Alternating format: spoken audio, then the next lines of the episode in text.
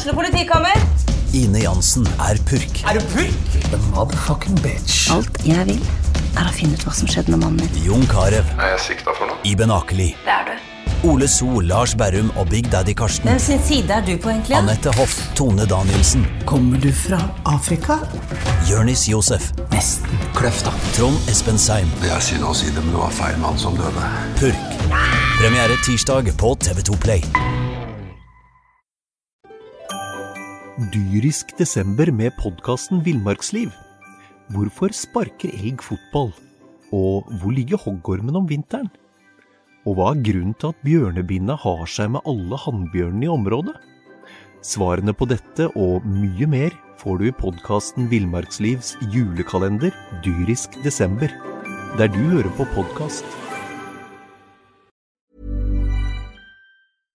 SA-podden presenteres av Fleksi. Regnskap med et smil.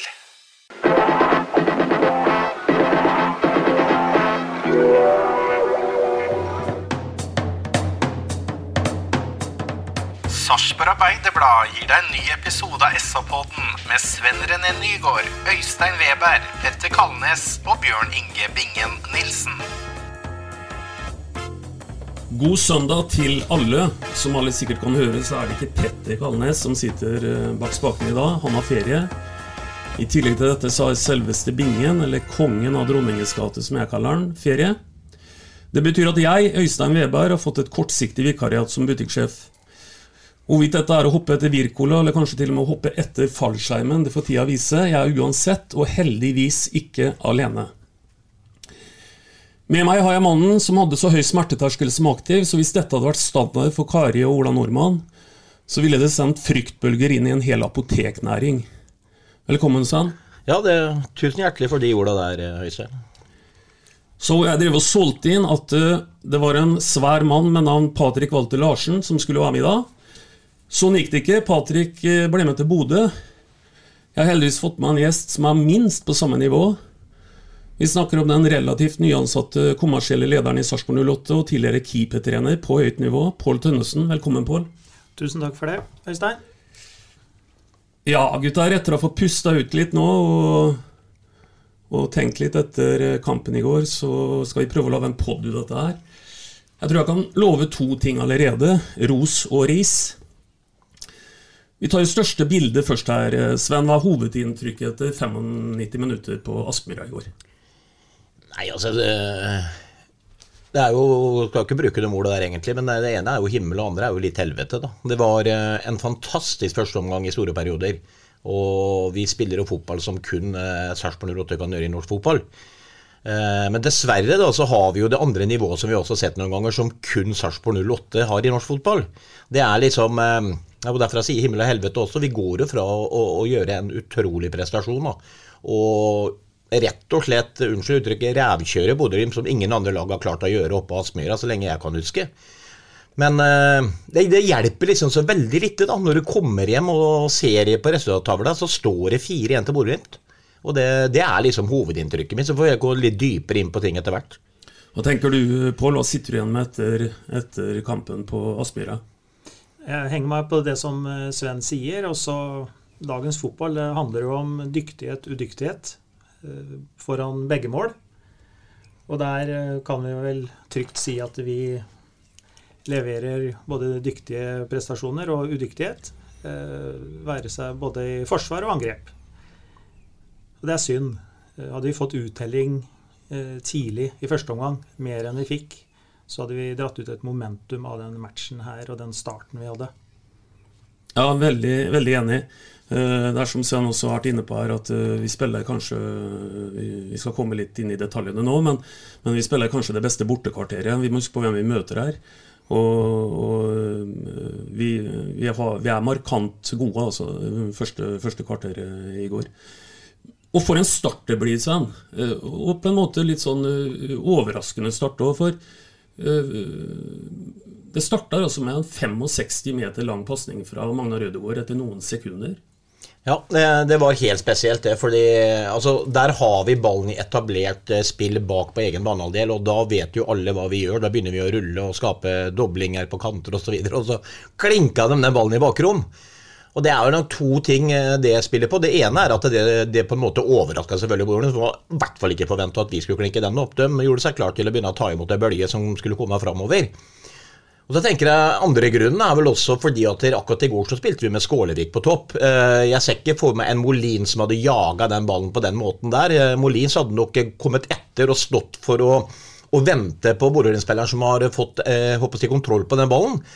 Men det er jo bare én mann vet du, som kan skåre ut av de greiene der. Altså Han går jo nådesløst inn i den hodeduellen og pisker jo han ned i bakken, som Sing fikk på Sandefjord forrige gang. ikke sant? Og så gjør han jo noe som han dessverre også, eller i går heldigvis, men som han dessverre er dårlig på. da. Når jeg så han kom på død vinkel, så tenkte jeg at her må vi få den ut i 45.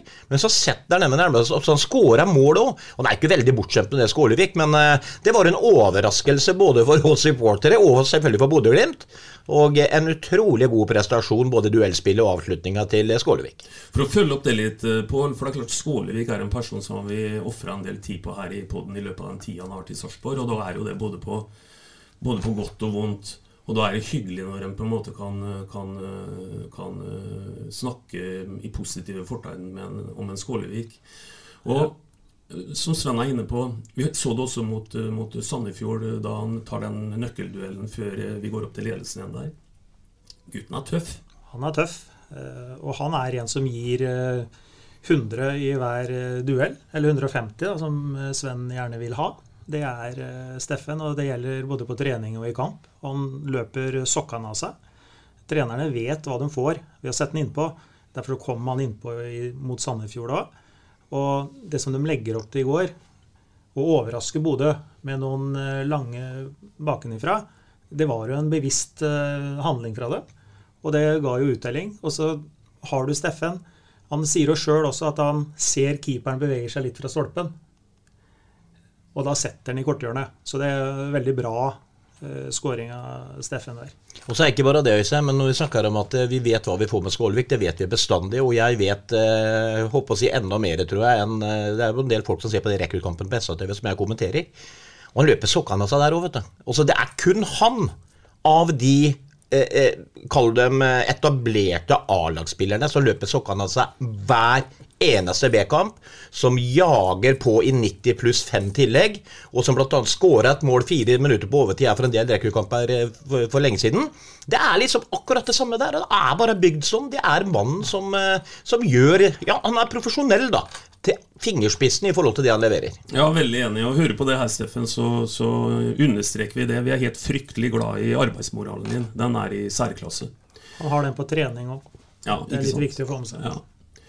Hvis vi går videre, da. Jeg laga en slags tidslinje i går på, når, eh, på, det som skjer. Og det er klart at eh, en skulle faktisk tro i forhold til notatene at det var mer eller mindre i ett lag på banen. Eh, vel å merke da tidlig i kampen. Vi kan, vi kan fortsette. Vi, vi, har allerede etter fem minutter en ny god mulighet. Gjenvinning er et stikkord der. Det var vi gode på tidlig i kampen i går. Vi vant igjen ballen hver gang vi mista den, høyt i banen. Det skjer også etter fem minutter. Soltvedt spiller Eh, til Heinz, som skyter eh, relativt eh, dårlig, over, høyt over. Det er en posisjon som Heinz vanligvis har røtter til å sette i av. det. Ja da, det skuddet er vel fra, nesten fra en spissen av 16 meter omtrent, men han er ganske upressa der. Og det er, det er, en stor målsjanse for Tobias Heinz. For han er god på akkurat den biten der i utgangspunktet. Så han har mye muligheter der, men det ender som du sier med et dårlig skudd. Og det er ja, det, det, har gått, det, har gått, litt trått for Tobias i det siste, og syns jeg. da. Eh, så Det er viktig at han også finner tilbake godfølelsen. Og med godfølelse så tror jeg Tobias er en personlighet eh, og en spillertype som trenger tellende resultat sjøl for egen del. Vi har snakka litt om, eh, Pål, at, at en styrke for 08 i år har vært at uh, istedenfor uh, Altså alle kan ønske seg en notorisk målskårer, og spesielt etter kampen i går. og så klart det, det, det, er jo ikke noe tvil om at det Ute på folkemunne så snakker en mye om det. Men hvis vi ser på hva vi har produsert offensivt, da, vi har jo skåra masse mål i år. Og vi ser på øh, Nå nevnte vi Heis, vi kan nevne Linseth, vi kan nevne Maigård, vi kan nevne den spissen som til enhver tid er der. Så er det vel en styrke at øh, vi har en god del poengspillere, egentlig, uten at vi fikk øh, valuta for det i går, da. Ja, det er helt klart. Og spillet til Stefan og Jokke er jo lagt opp til at øh, mange skal komme til avslutning. Det ser vi. Det er masse bevegelser rundt 16. Det kommer mange på løp eh, bakfra. Eh, så det behovet for den ene toppspissen Det er ikke sikkert vedkommende hadde fungert godt i det systemet til gutta. Det tror jeg ikke. Etter mine notater så, så, kommer vi kanskje først i det niende minuttet, noe som kan minne om en farlighet fra Bodø-Glimt. De har hatt, før det har de hatt et helt ufarlig skudd eh, fem meter på utsida høyre stolpe, som bare Leanderøy kan bare kontrollere på utsiden. Men i det niende minutt så, så, så gjør uh, Magnar Rødegård en veldig viktig inngripen i en, i en overgang som uh, Bodø-Glimt har. Vi må nevne det, for vi, vi må nok dessverre også nevne Eh, Ødegaard i negativ eh, forstand noe senere i kampen. Men der gjør han en, gjør han en eh, veldig viktig inngripen. Og jeg legger merke til at hvis en tar et stillbilde på kampen etter omtrent ti minutter, så er Bodø-Glimt spilt sensasjonelt lave. De står, med, de står, med, spissen sin på 35 meter, og de resterende står bakover mot eget mål. Det er nesten ikke til å tro, det bildet. Eh, for jeg har, eh, jeg får kalle det, eh, sett mye av dette her på nytt igjen etter, etter kampen.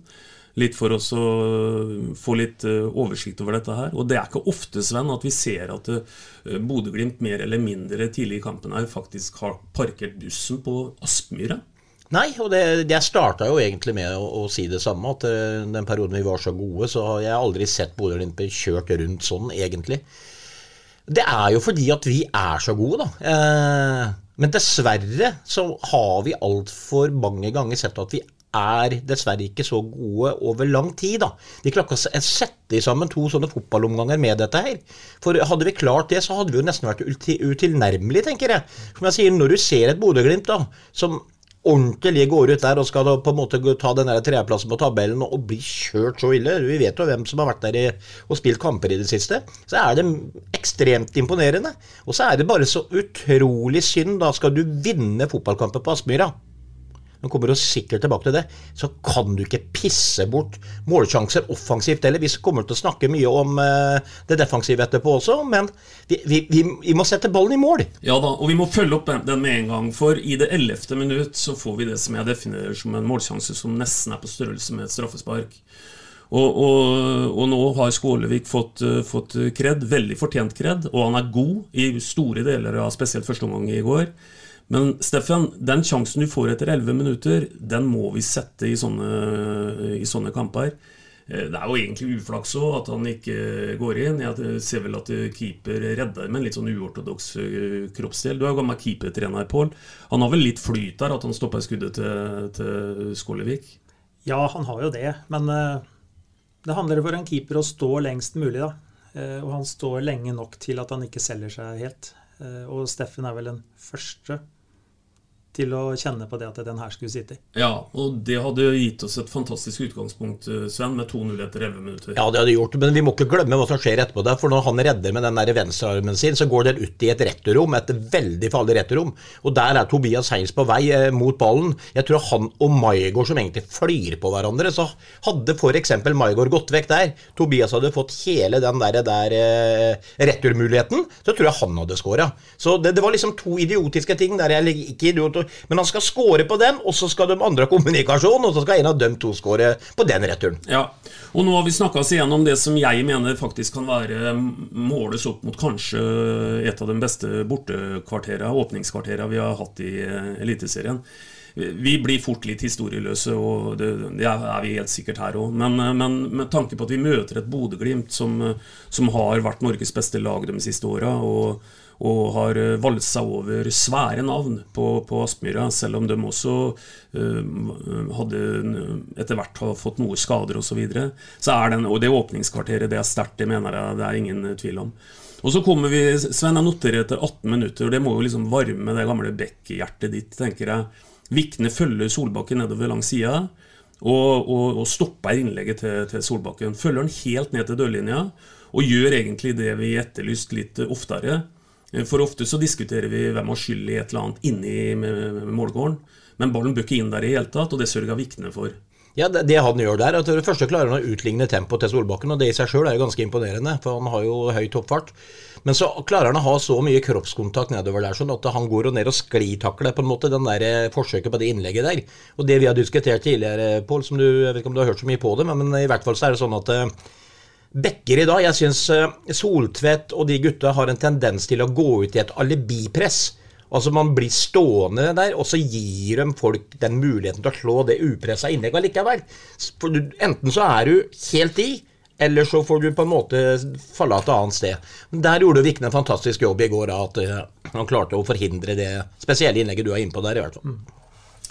Ja, og så eh, noterer jeg meg igjen en Skålevik. Det er ikke akkurat noen målsituasjon, men, men, hvordan han jobber seg til et frispark eh, midt på banen. Han, han ofrer seg veldig veldig mange dueller og er veldig oppofrende i spillet sitt. Eh, da har vi kommet til 20 minutter. Da så jo alt veldig bra ut, men så kommer vi til det 21. minuttet, og da, da kommer utligningen. Og det er klart at det, da, det var det vi ikke skulle ha. Ehm, det er sikkert mange som vil hevde at eh, den ikke er uttakbar, uttagbar, men er det noe jeg i hvert fall skal eh, skrive under på her og nå, at jeg skal ikke være med å på noen måte sage en modig 18-åring i mål i dag, som, som, ikke har bedt om å bli kasta inn i kampens hete på bortebane mot, mot et av Norges beste lag. Og, og den blir jo satt også tilbake i det hjørnet han kommer fra. så den er, den er, ikke bare å ta heller, selv om eh, noen vil sikkert hevde det, Sven. Nei da, eh, den kommer jo veldig plums på, eh, fordi at det her går jo fort. Og han, han tar jo med seg ballen på en måte i steget. Eh, mulig Leander får litt mye tyngde mot venstre, og ballen kommer til høyre for. Så Men det er klart en sånn katt i buret-fyr altså Det er ikke noe kritikk mot Leander i det hele tatt, dette her. Men en type Kristiansen, da som alle vet åssen er på streken, kunne fort kanskje fått fingertuppene på den. Men det er jo masse andre ting å ta tak i her, da. Hvorfor i helvete skal han få lov til å så upressa ta med seg den i steget? Ja, ja, jeg, sånn, jeg, kjenner det koker litt i huet noen ganger når jeg ser sånne situasjoner om igjen. Men, men, der kommer jo han i fart og får skyte i det steget sitt. Det kunne vært andre folk som også skulle vært inn der. Så her er det masse forskjellige ting å ta tak i. Uh, Leander hadde en naturlig bevegelse, eh, for sideforflytning. Eh, og så vil jeg egentlig si det var en veldig stor prestasjon av Vetlesen, eh, det han gjør. Han bruker ikke kraft. Han vet at det er en bevegelse på keeperen. Han vet at eh, får han satt bredsida til her, tilbake, så er det store muligheter for at keeperen er solgt. Og det er Leander der. Ja. Du skal være kattemyk, og så skal du kanskje ja, ha en veldig kvalifisert redning hvis du skal nå ned til den der, da. Ja da, og så skal du ikke minst kunne ha en eh, større kroppslig rekkevidde. Og det er noe vi ikke kan beskylde Leander Øy for, så er det jo at han er så høy som han er. Ja, ja. Og, og, det er klart at uh, det ville vært unormalt hvis f.eks. en Simen Hvitu Nilsen ikke har lengre rekkevidde uh, i kraft av høyden sin enn Leander. Men det er totalt uinteressant i denne ja, sammenhengen. Pål er inne på noe, ja. du, fordi han sier det at uh, hadde han tatt den, da, så hadde det blitt en kjemperedning. Ikke sant? Da hadde, da hadde det blitt en klasseredning. Så det er klart at det jeg sier, er at det er ingen keepertabbe. At den gikk inn er ikke noe skandale. Men at det kunne gått an å tatt den, det tror jeg på en måte jeg har rett i. Men da hadde det blitt en kjemperedning.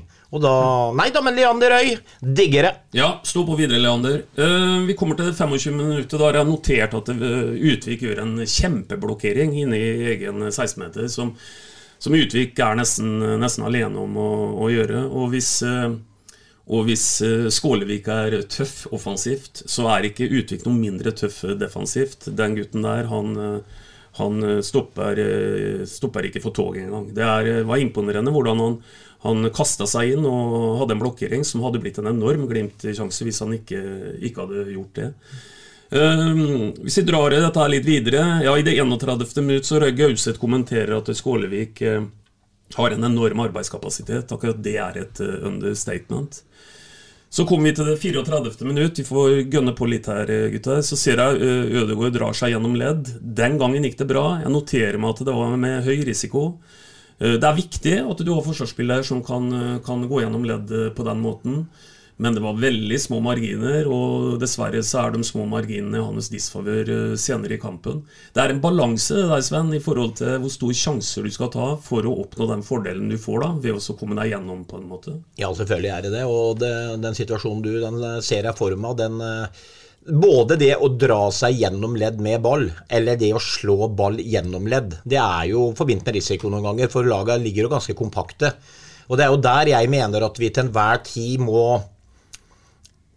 Den enkelte spilleren som er ballfører, må ta de valga på sine egne premisser og vite at dette klarer jeg, den passingen treffer jeg med, den går jeg gjennom, istedenfor å ta en type passing hvor at det, Oi, den her er jeg ikke sikker på om jeg får til, men vi prøver. Som sistemann i et forslag, f.eks. Det er hueløst. For meg er det helt uløst. Så der vi må bli enda flinkere, og vi har fått altfor mange av dem nå, med Jørgen, med Magnar osv. Og, og vi kan ikke fortsette, for da må vi begynne å skåre sju mål på bortebane omtrent, eller hjemmebane, for å vinne fotballkamper, og det må vi bare bli ferdig med. Ja, jeg er enig. Vi må, vi må luke, luke bort det. Uh, og igjen da, Det er jo sånn at vi kan diskutere mål vi slipper inn, men et mål er jo et mål, og da kan vi absolutt også diskutere ineffektivitet uh, framover. Og uh, Vikne gjør jo en helt fantastisk jobb i forkant i det 37. minutt og slår 45 ut til, til Linseth, som brenner ballen over. Det er nok Linseth sin største sjanse for dagen. Han har tidligere i kampen uh, skjøt med venstrebenet høyt over fra 15 meter. Men den han feier over der, den, den vil vi helst ha under tverrliggeren, Pål. Ja, det er helt riktig. Og der hadde han vel på seg en av de tyngste ryggsekkene han noen gang har hatt ute på banen der. Uh, Ref Vetlesen, hva han gjorde i samme situasjon. Uh, han setter foten til. Og det, så er det lett å si det nå i etterkant, men litt mer kyla der. Så fra Linseth sin side så hadde den sittet. Ja, og jeg hører han eh, i intervju med klubbens egen kanal etterpå og sier at jeg tar på meg delansvaret for dette resultatet, og, og, og peker da bl.a. på å dømme mulighetene der. Han sier jeg kunne skåra to-tre mål. Uh, vi hadde, vært, hadde, ikke vært dårlig bare å komme på skåringslista. Men det er bra det, Linseth, at du tar ansvar. For det må vi tåle å høre, at eh, sånne muligheter må vi sette hvis vi skal få med oss noe fra Aspmyra. For det er noe med dette her som vi Det har jo klart vært mest snakk om de her personlige feilene vi gjør hjemover i banen, eh, som resulterer i mål mot. Og det å tape en duell, eh, som Magnar f.eks. gjør på, på dødballen der, som ender i et mål, det er irriterende for den som taper, og det er irriterende for oss som ser på. Men vi må ikke altså det er en like, nesten større personlig feil, det Linseth gjør der. Så det er viktig å ta med seg det. Det er så lett for å glemme at man misser en stor sjanse fordi at vi har skapt den, men du blir hengt litt hvis du gjør en dårlig defensiv jobb som blir mål imot. Det er faktisk, det er, det er, som du sier, det er mål imot, og det er mål for. Det er like stor feil i utgangspunktet å ikke sette av den der som en uh, dårlig defensiv jobb. Ja, og en ting som jeg har sett litt i år, og som, og som uh og som uh, begynner å bli faktisk en trend i, i, norsk fotball. Det så vi ikke så mye før i tida, gutter. Det er at hvis, uh, hvis f.eks. en keeper gjør en uh, feberredning, så kan du oppleve at laget jubler akkurat som du har skåra mål. For du, for du, har jo i prinsippet gjort akkurat det samme tellende i forhold til kampens utfall ved å hindre et mål bakover, kontra at du, du setter et framover. Og det er vel egentlig på høy tid òg, at uh, ref blokkeringa til Utvik osv. Eh, som vi ser der, som jeg sa i stad, det, det, fortjener en klapp på skuldra. Så, så det, det, er, eh, det, er ingen tvil om at det er, det er viktig å i hvert fall eh, få, en, ja, få noe effektivitet ut av det. Sluttprodukt.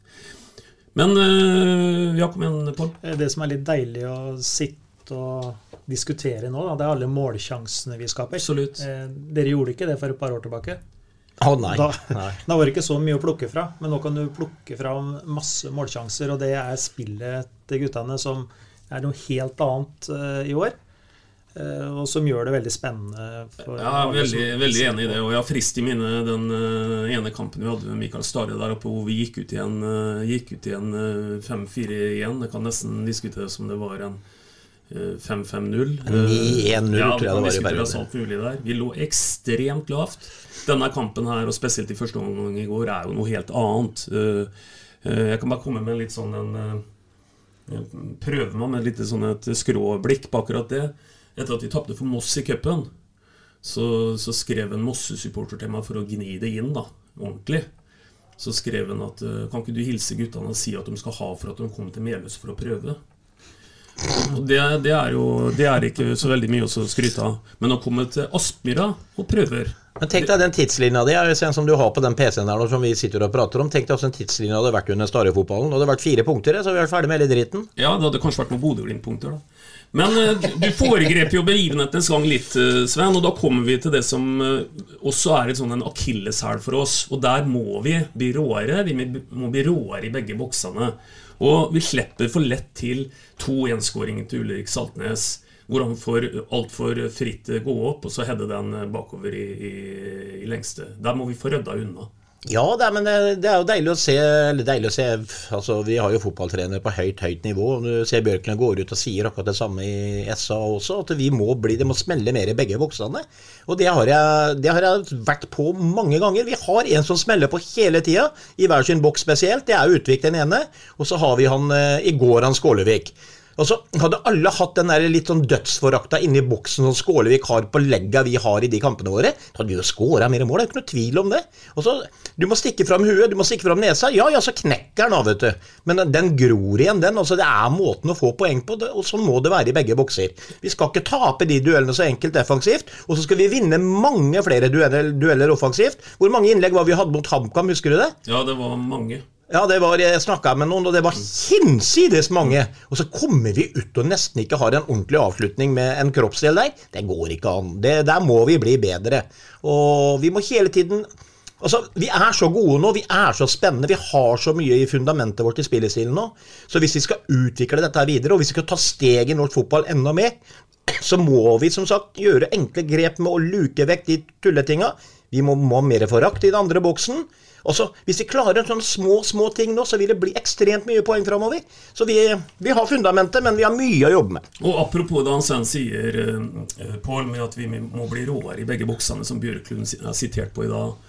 Så, så syns jeg på en måte Det er også en litt sånn befriende greie med det nye regimet som er nå, hvor egentlig uh, de er ærlige på, på, hva som på en, måte, på en måte må til. Eh, Billborn bruker jo ofte de største ordene sjøl, eh, og da i negativ og selvkritisk forstand. Eh, det, det syns jeg egentlig er litt deilig, at en ikke luller seg inn i en forestilling som på en måte vi ikke kjenner igjen fra tribunen. kan du si da. Ja, Det er kjempebra at de ikke pakker igjen noen ting. Det er rene ord for penga, og det, det, må det skal man få den tilliten ut av da, fra sarpingene. Skal ikke stå der og prate i floskler så det Nei, rene ord for penger er viktig. Ja, helt, og spillerne er det sjøl òg. Helt, helt, enig. Vi har jo nesten kommet til omgangens eh, slutt, men det skjer jo noe som på en måte er eh, også en litt sånn smådramatisk situasjon da i det 45. Der kunne vi igjen ha fått utligna denne kampen og fått 2-2. Sluttproduktet der er jo at du utvikler Hedder utenfor. Litt overraskende at akkurat Utvik header utenfor der, for dette er jo noe Utvik kan. Muligheten er stor. Jeg mistenker at han mangler litt grann på å komme akkurat nok over den ballen. Men det er jo også noe som minner om en straffesituasjon der, eh, eh, Sven. Eh, jeg hører eh, kommentatorene hos rettighetshaveren de sier at det burde vært en straffe. Maigård sjøl er ikke så bastant på det.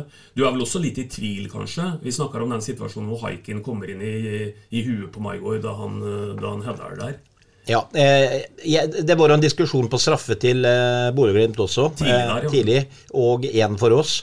Eh, den første situasjonen til Bodø-Glimt, altså der går han og på en måte nesten stupheader ned i en tett befolka sak, hvor Utvik kommer bakfra med et, noen knotter. Eh, lavt. altså eh, der, der, kan beinet være, og jeg tenker at det er ingenting. Og jeg syns heller ikke at det er noe på den andre, jeg personlig. Nei. Sånn som jeg ser den, så Maigård rekker den ballen først. Ja, det gjør han. Hedda er den liksom nesten motsatt vei, og så blir han truffet i huet. Mm. Så den ballen kunne aldri eh, Altså, det, det, var liksom ikke det slaget kom på en måte etter at ballen hadde forlatt hodet til Maigård. Mm. Sånn som jeg leser det, og Derfor mm. syns jeg det er greit at de frier begge to. Ja da, og det er jo som du sier, det er jo, det er jo situasjoner i begge boksene her, så sånn sett så er kanskje ikke det så så voldsomt uh, urettferdig. Da har vi kommet til pause, gutter, og dessverre og merkelig ligger under uh, 2-1. Vi får ikke noe direkte ros av Kjetil Knutsen i den forstand at han sier at Sarpsborg 08 var fantastisk gode, men de får det jeg vil kalle litt sånn skjult indirekte ros med at han sier at dette her var ikke fortjent. Det sier Kjetil Knutsen til pause, og det kan vi jo Men så avslutter han da med at det er nok det dårligste vi noen gang har gjort. Ja da. Og, det syns jeg ikke en trener faktisk skal si når han, eh, når han ser at et motstanderlag er bra. Jeg syns i hvert fall ikke det. Han kan heller si at det er jo ikke vår beste kamp, men det er det dårligste. Det er bare å undergrave prestasjonen til 08, som var bra. Ja da, jeg, men jeg mistenker at han syns 08 var rimelig bra. Jeg så han hadde en, en, en liten dialog med Bjørklund etter kampen, og de takka hverandre for kampen. Og jeg mistenker at jeg mistenker at uh, Knutsen sa til Bjørklund at uh, du har noe på gang med det laget her. Det var vi som gjorde dem dårlige, rett og slett. Ja, ja. Helt enig, Pål. Og da er liksom statsa, som det heter, da, etter første omgang at vi har hatt en større ball possession på bortebane mot Bodø-Glimt. Den javna seg ut etter hvert. Men vi skårer, eller vi har også best på de fleste parametere, egentlig. Bortsett fra det viktigste i fotball. da, Og la oss være tydelige på at det kommer vi aldri til å undervurdere, nemlig det å skåre mål. Så vi har jo sett det før, hørt det før. Så en vakker dag så kan vi ikke øh, gjøre noe annet enn at vi må forholde oss til øh, det, det, gjentar seg litt uh, for ofte, kanskje, så, så, vi er nødt til å få med oss noe. selv om denne sesongen her har jo virkelig også bydd på oppturer, ingen tvil om det. Vi vi setter i gang med en uh, annen omgang som ikke blir like innholdsrik, i hvert fall ikke sett med 0-8-øyne. Jeg, jeg, ser en tendens på etter Jeg noterer meg etter 55 minutter at det er mye mindre, kall det 08-energi da etter, etter, pause. Hva tenker du om det? Har det kosta for mye å stå aggressivt i høyt press i deler av første omgang?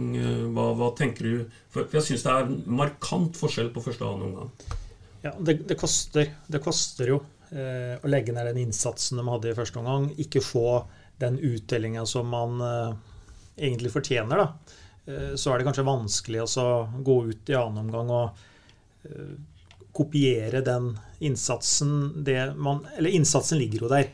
Eh, men det å få opp eh, momentumet i alle lagdeler Den fikk seg en på trynet med 2-1. Og så tar det litt tid før man kommer i gang. Samtidig så tar Bodø-Glimt skikkelig tak i kampen eh, i annen omgang fra starten av. Og da De er et knallgodt lag. Så vi kan ikke forvente at vi skal kjøre den der eh, i to ganger 45. Nei, hva tenker du, Sven? For du ser det jeg ser, at det er lavere energi. Eh, det, det, det bildet der det blir tydelig ganske tidlig. Ja, og så er det jo noe i fotball som i alle idrett, det er spill og motspill. Eh, det er nok et Bodø-Glimt som sitter i garderoben der og for det første priser seg lykkelig for at de leder i oppgjøret her.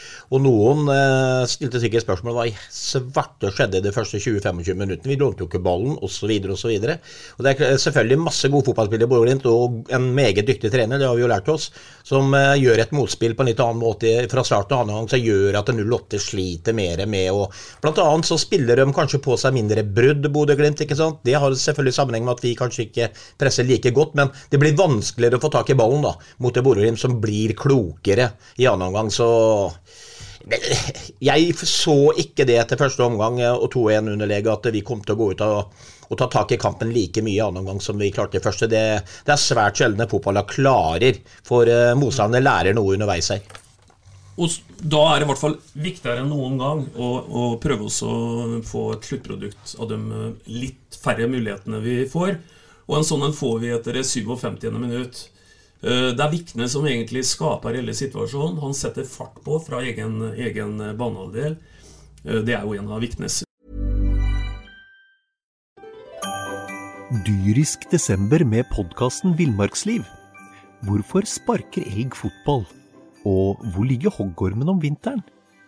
Og hva er grunnen til at bjørnebinna har seg med alle hannbjørnene i området? Svarene på dette og mye mer får du i podkasten Villmarkslivs julekalender dyrisk desember, der du hører på podkast. Styrke, det må du bare gjøre mer av. Eh, slår ballen ut til høyre til Maigård, som slår den eh, rett inn mot Skålevik. Eh, skal være så ærlig å si at et dårlig mottak av Skålevik resulterer egentlig i en sånn perfekt uh, tometerspasning til Vikne, som da kommer på sitt løp. Og hvor han da setter det skuddet på utsiden. Det er egentlig ganske stor sjanse, Sven. Mye større sjanse enn det folk tror eh, når det går fort her, når du får se ordentlig. Vikne har full kontroll i utgangspunktet på ballen. Han tar det med yttersida høyre Keeper er jo helt utspilt, og det, det går så fort inn her, så han hadde jo ikke rekt å gå til ballen. Hadde han bare truffet mellom seg opp der, så hadde det blitt mål.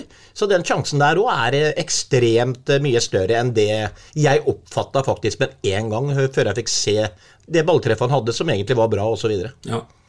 Og så kommer vi til det 62. minutt, og da skjer noe som har skjedd uh, før i år, og som vi må luke vekk. Det er alle enige om, og det er egentlig det er ikke noe som gni det noe mer inn enn at vi kan si at uh, rutinerte Magnar Rødegård gjør en hårreisende inngripen, eller han, han, har en hårreisende sjansetaging der. Han han, eh, Leander Øy ruller ballen ut til Ødegård, som greier å sette den rett på Mvuka, etter han høyrekanten deres. Eh, som da eh, enkelt ruller den inn til Boniface, som setter den enkelt forbi Leander Øy. Jeg vet ikke om det er jernbane forbi Aspmyra, det tror jeg ikke det er. Jeg har vært der et par ganger. Men på stadion så hadde jeg jo etterlyst en jernbanepasning hvis du, hvis du er, eh, er pressa sånn som du eventuelt eh, er der. Eh, da må det heller bli flere jernbanepasninger, for det kan vi ikke tillate oss, Sven. Nei da, og det, er jo det som er det som er aberet med Billborn-fotballen nå. ikke sant? Fordi at man hele tiden vil dyrke at man skal beholde ballen i laget og spille seg ut. ikke sant? Og, da, og, det gjør man sikkert på trening, og på trening så får man å feile litt mer enn man kan gjøre i en fotballkamp. og Dette her blir det mye repetisjoner av. Magnar har sikkert veldig trua der og da på at den ballen får chippa litt opp i høyden, videre ut til Vikne var vel ute på kanten her, jeg husker ikke hvem som var der akkurat da. Men så ender jo den ballen i kroppen på han eh, kanten da, og da blir jo det katastrofalt. Men eh, poenget mitt er at når man skal spille den type fotballen, så må fortsatt enkeltspillerne de, de, de, kan spille på en litt risiko, men ikke på en stor risiko. Eh, man må vite det at det, eh, treffer jeg feil på den her, så har vi i hvert fall, hvert fall nok folk på rett side av ballen osv. Så, videre. så der gjør Magnar en kardinaltabbe, rett og slett. Litt pga. også spillestilen, tenker jeg da. Fordi at man er så opptatt av å gjøre disse tinga her, og vi er stort sett gode på det. Men i løpet av hver fotballkamp nå Nå går Jørgen Horn og kommer mange der inn for Jørgen, ikke sant? Av det som skjedde mot Sandefjord, antageligvis. Blant annet pga. det. Og så gjør Magnar akkurat det samme. ikke sant? Og det, vi slipper ikke inn dumme mål noen ganger som nesten vi redder opp i, men vi slipper inn noen mål, vet du. Så det er, det er, det er helt ekstreme feil, liksom. Det er ikke sånn småtabber, det er ekstreme tabber. Og dem burde man skulle tro var enklere å luke vekk etter hvert, i hvert fall. Ja da, og det som, for å bare avslutte den, det som er kanskje det som gjør at vi gnir litt ekstra inn på det, er at vi, nå, nå, tar vi noen litt voksne gutter her. Eh, vi snakker ikke om en Leander Øy som er 18 år og som har blitt kasta inn i det. Vi snakker om, eh, vi snakker om eh, kanskje noen av de mest erfarne vi har i Horn og, og Ødegård. Så, så, så, derfor så De er vel noen av mer erfarne hele norsk fotball omtrent, for å si det sånn. De har vært med så lenge nå, så ja. de tåler det der. Og de, de vet jo om dette her sjøl, men, det men vi, vi, det, det, vi, kan ikke sitte hver eneste pod etter hver eneste hjemme- eller bortekamp og diskutere de samme grove tinga. For hvis ikke det tar en slutt, så forstår jo alle hvor mange poeng som går tapt. Og det er jo poeng vi skal leve av framover. Ja jeg er helt, eh, helt, enig, og jeg tror alle forstår det. Det som er spennende om det, nå, det, det, det er jo derfor jeg innleder med å si at denne poden kommer til å inneholde både ros og ris det er at vi ser et toppnivå, toppnivå på 080 år som vi aldri har eh, sett eh, før. Og som, og som gjør at at det går an å drømme om at dette her kan bli fryktelig bra. Det, det må være enkelt å luke bort noe av det vi har drevet beskrevet her nå, tenker jeg. Du hørte hva Gauseth sa på sendinga i går. Han ja. litt, hadde hatt rett i det, tror jeg. Han sier det at hvis Linseth og Saletros ikke forsvinner, noe de dessverre sikkert gjør, så er det ikke umulig at dette Sarpsborg 08-laget kan vinne norsk fotball om to år. Sånn det. Og det, det, det, sier jo litt om hvordan de blir sett på av de her, dem ekspertene, eller de folka utafor nå. 08 blir lagt merke til, og jeg påstår i perioder i første omgang i går, eh, borte mot eh, Kristiansund osv., så, videre, så spiller vi en like attraktiv, hurtig angrepsfotball som Bodø-Glimt gjorde på sitt beste når de var helt utilnærmelige. Hvor det var klikk-klakk, kom bevegelser overalt, var folk ledige.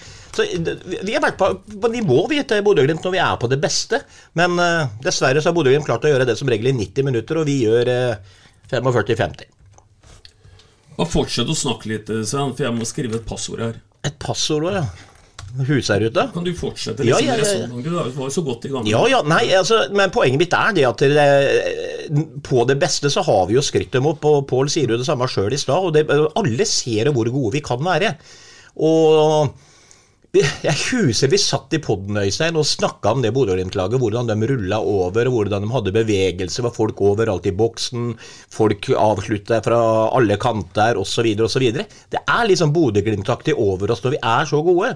Så det, ja. Nei, altså Jeg, ja. Jeg syns bare det er litt kjipt å tenke på at vi to av eksponentene våre kanskje forsvinner, så vi får håpe at en av dem eh, blir, eller gjerne begge to, eller at vi iallfall får erstattere som er eh, like gode for å For jeg, jeg, jeg, gleder meg allerede til neste år, selv om jeg bare halvveis. Jeg har blitt så glad i fotballen igjen her i byen. Jeg, har gått ifra å være nonne i huet mitt, altså når jeg var nede og så på Stares antifotball, og det var liksom som jeg har sagt før, gå ned på stadion, det var guffent. Gå ned med et håp om at kanskje vi eh, skåra på en av de sjansene vi fikk. Kanskje vi fikk to sjanser og vant 1-0, for mål ville vi jo ikke slippe inn.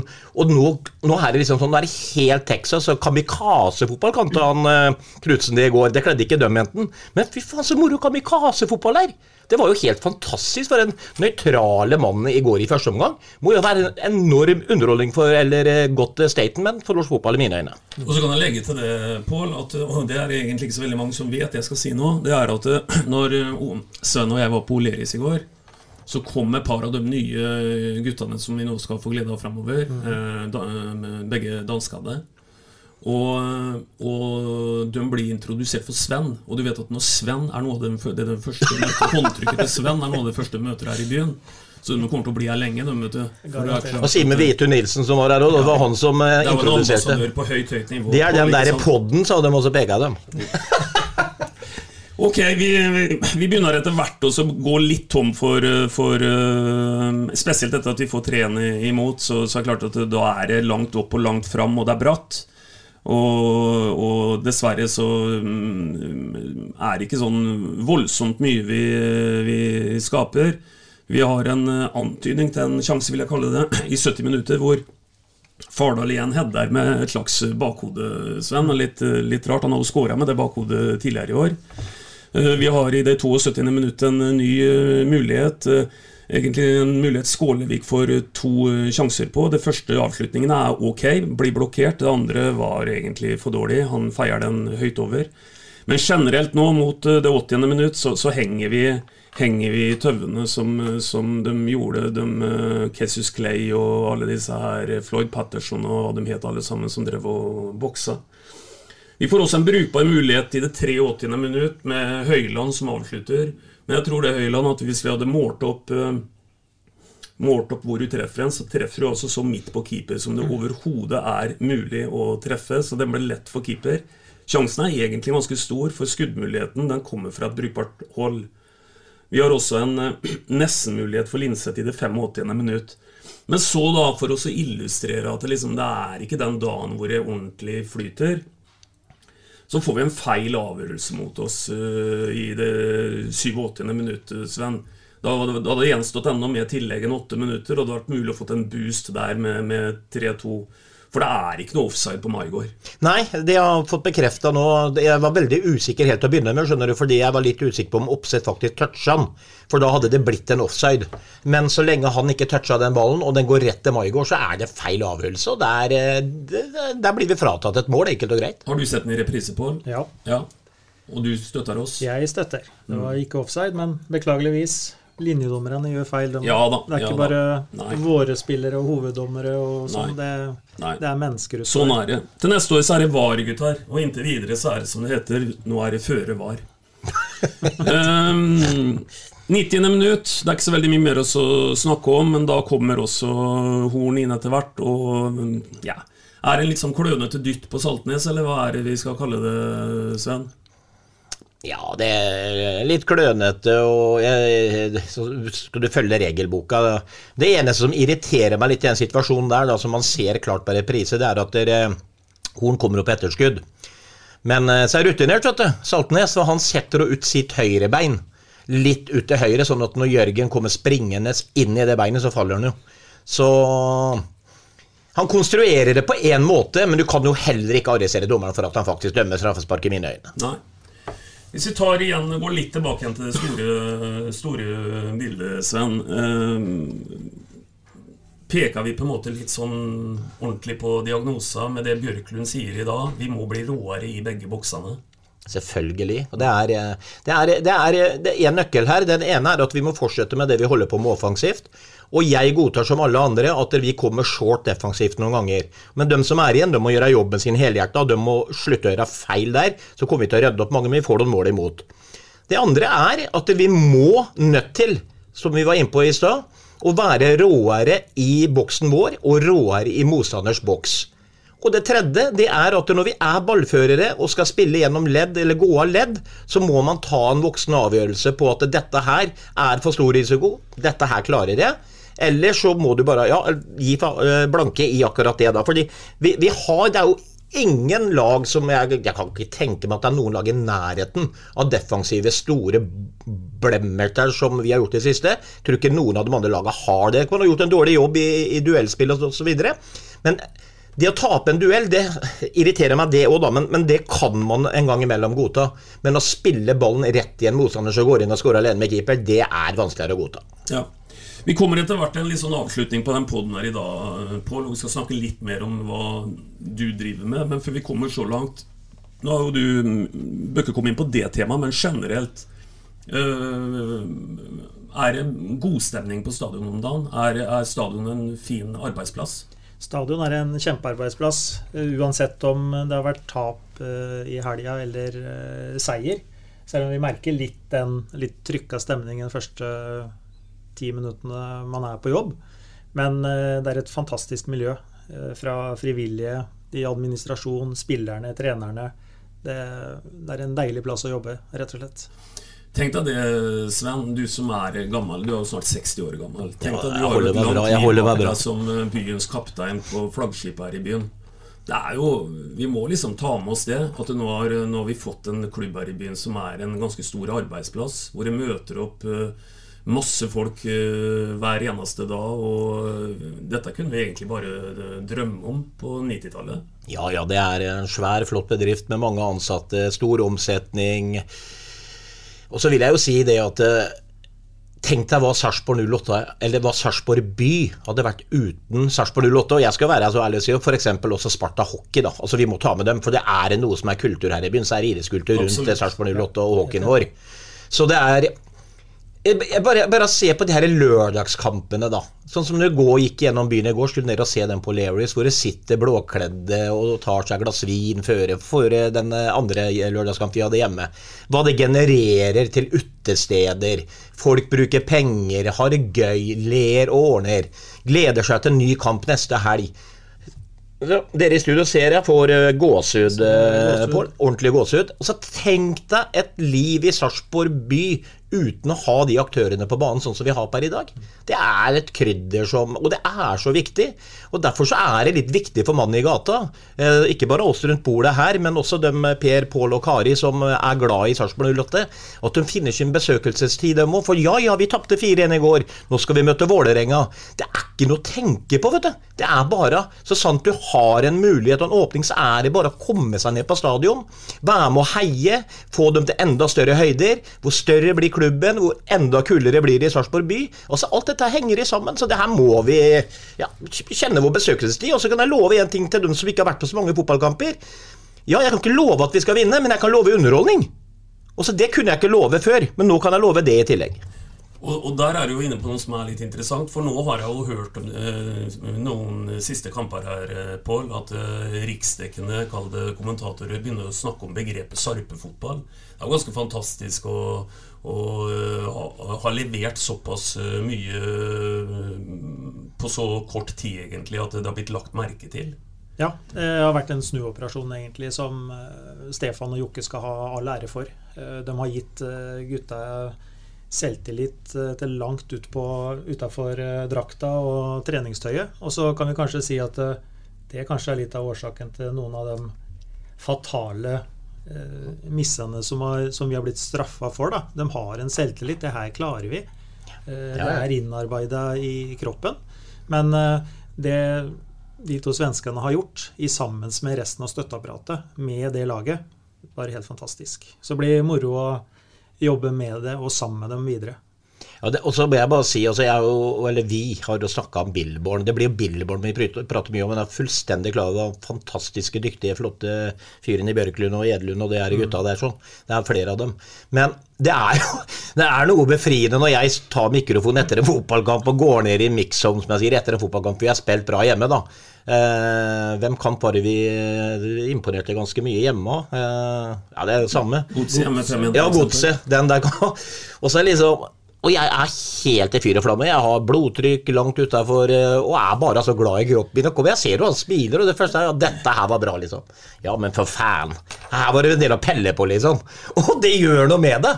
Når du vinner 5-1 med Godset, som er i superform, når treneren kommer og er blid, og er selvfølgelig fornøyd, men samtidig er opptatt av å utvikle det, liksom Det her er ikke bra nok enda.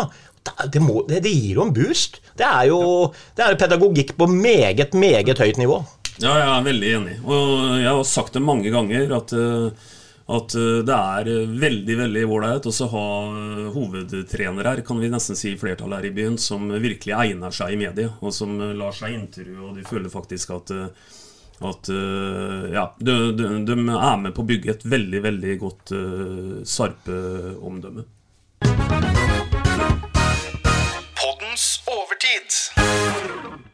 Dagens overtid tenkte jeg vi skulle rett og slett eh, fokusere litt på det å bygge klubb.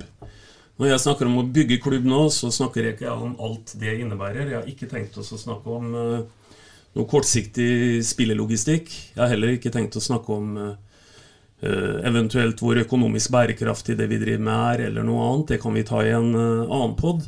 Men i og med at vi har Pål Tønnesen her, så jeg har lyst til Pål også dvele litt med det dere har gjort en del av i det siste. Nemlig å jeg kaller det å fri litt da, til et større omland enn en Sarpsborg. Uh, dere har jo hatt med dere folk fra Rakkestad, Mysen, Spydeberg. Personlig tror jeg at dette her er utrolig klokt. For jeg tror dere skaper um, fotballsupportere som skal bli det et helt liv. Hva tenker du om den aktiviteten dere bedriver der? Ja, Den er jo utrolig viktig. og Vi har jo hatt som mål at vi skal Eh, erobre Indre Østfold, bl.a. Eh, for det er jo et gammelt eh, Fredrikstad og Lillestrøm-fylke. Men nå er mange av de generasjonene der på, på vei ned i pennalet, for å si det litt stygt. Det har jo begynt med samarbeidsklubbene våre, og Rakstad og Mysen er samarbeidsklubber.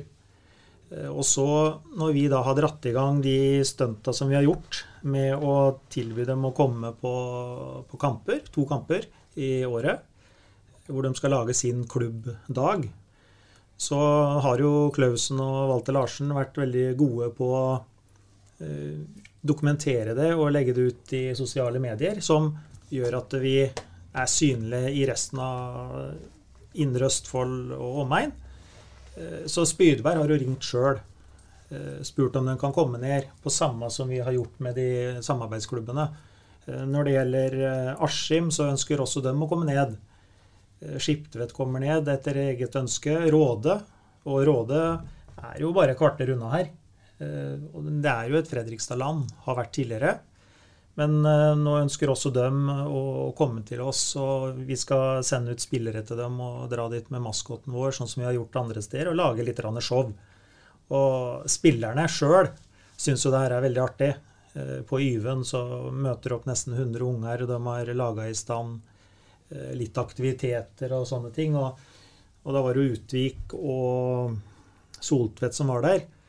Så etter at de spurte når vi var ferdig, så sier jeg nei, dere kan dra nå.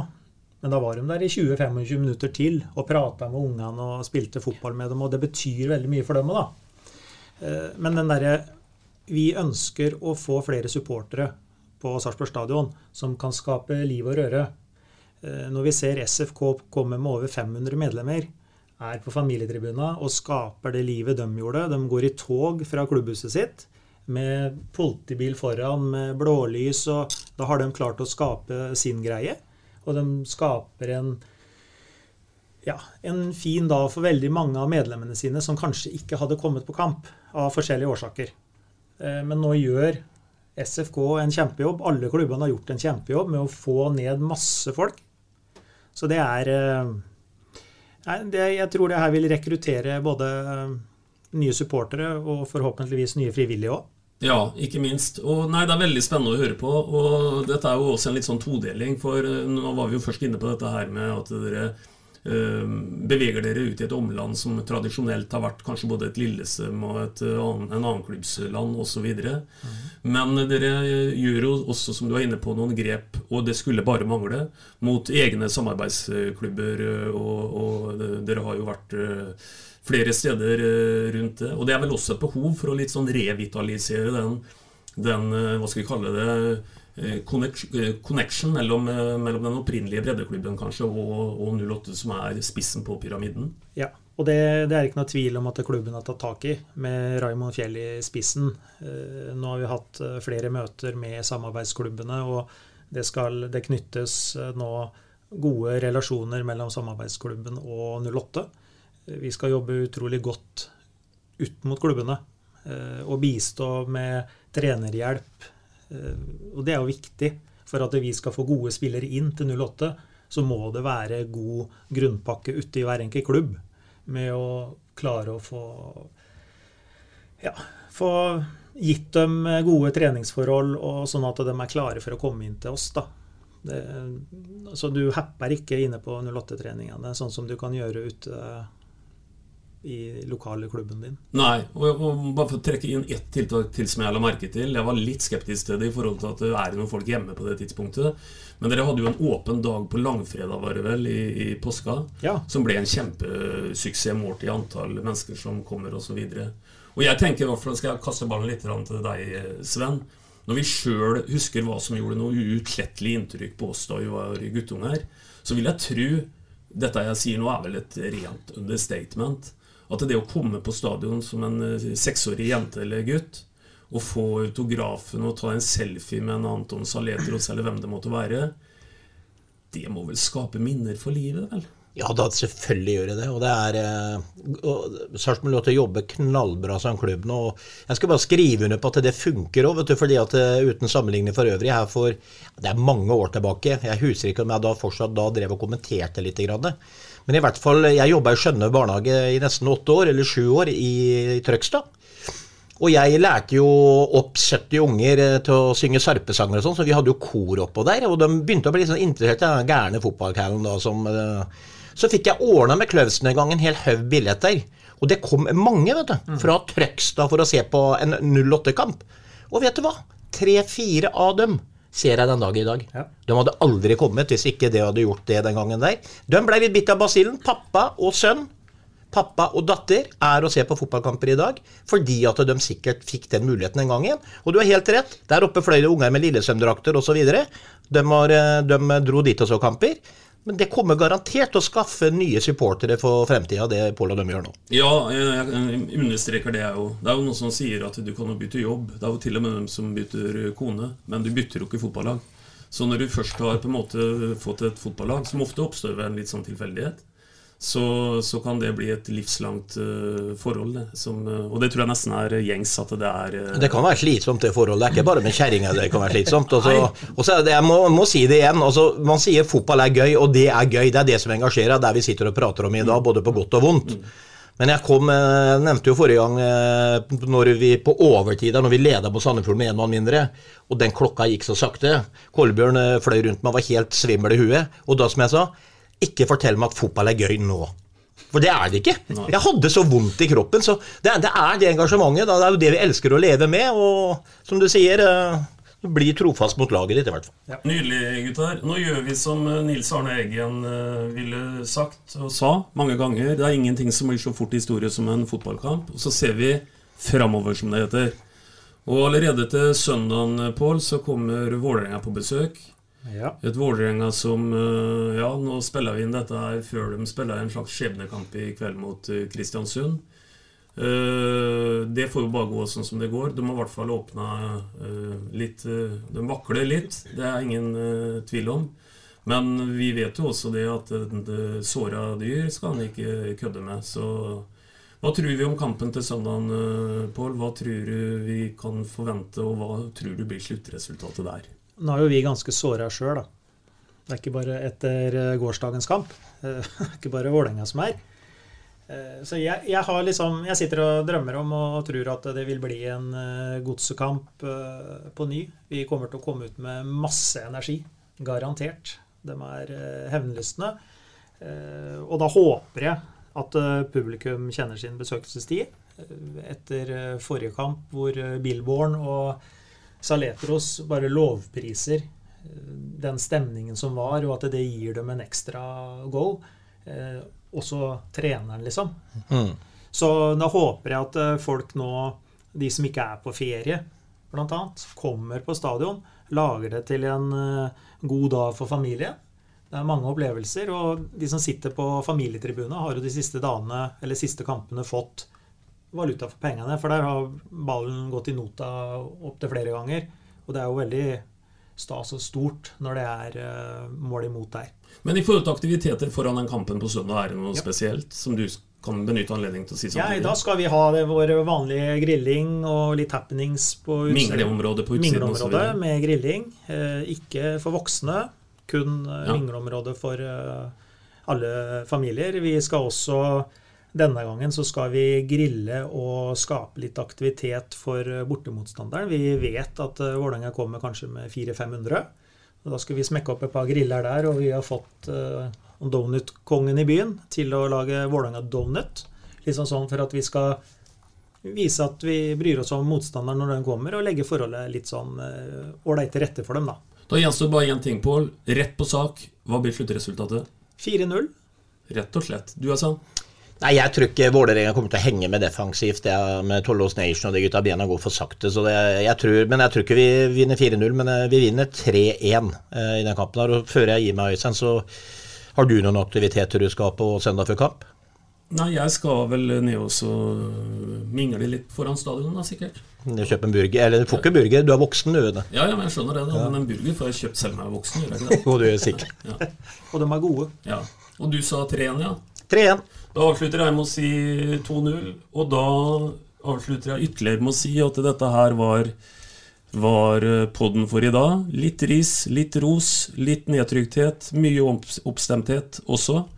Så høres vi igjen eh, neste søndag. Da, da eh, går vi på og lager en pod etter at kampen er slutt mot Vålerenga. Jeg tenker at vi spiller inn den sånn halv ni på kvelden, tenker jeg, og så blir den lagt ut rimelig umiddelbart etter at den er ferdig. Så da vet du hva vi pleier å avslutte med å si her, Pål? Nei. Vi prekes! Vi prekes. Vi prekes, ja. SA-podden presenteres av Fleksi. Regnskap med et smil. Dyrisk desember med podkasten Villmarksliv. Hvorfor sparker elg fotball? Og hvor ligger hoggormen om vinteren? Og hva er grunnen til at bjørnebinna har seg med alle hannbjørnene i området? Svarene på dette og mye mer får du i podkasten Villmarkslivs julekalender dyrisk desember, der du hører på podkast.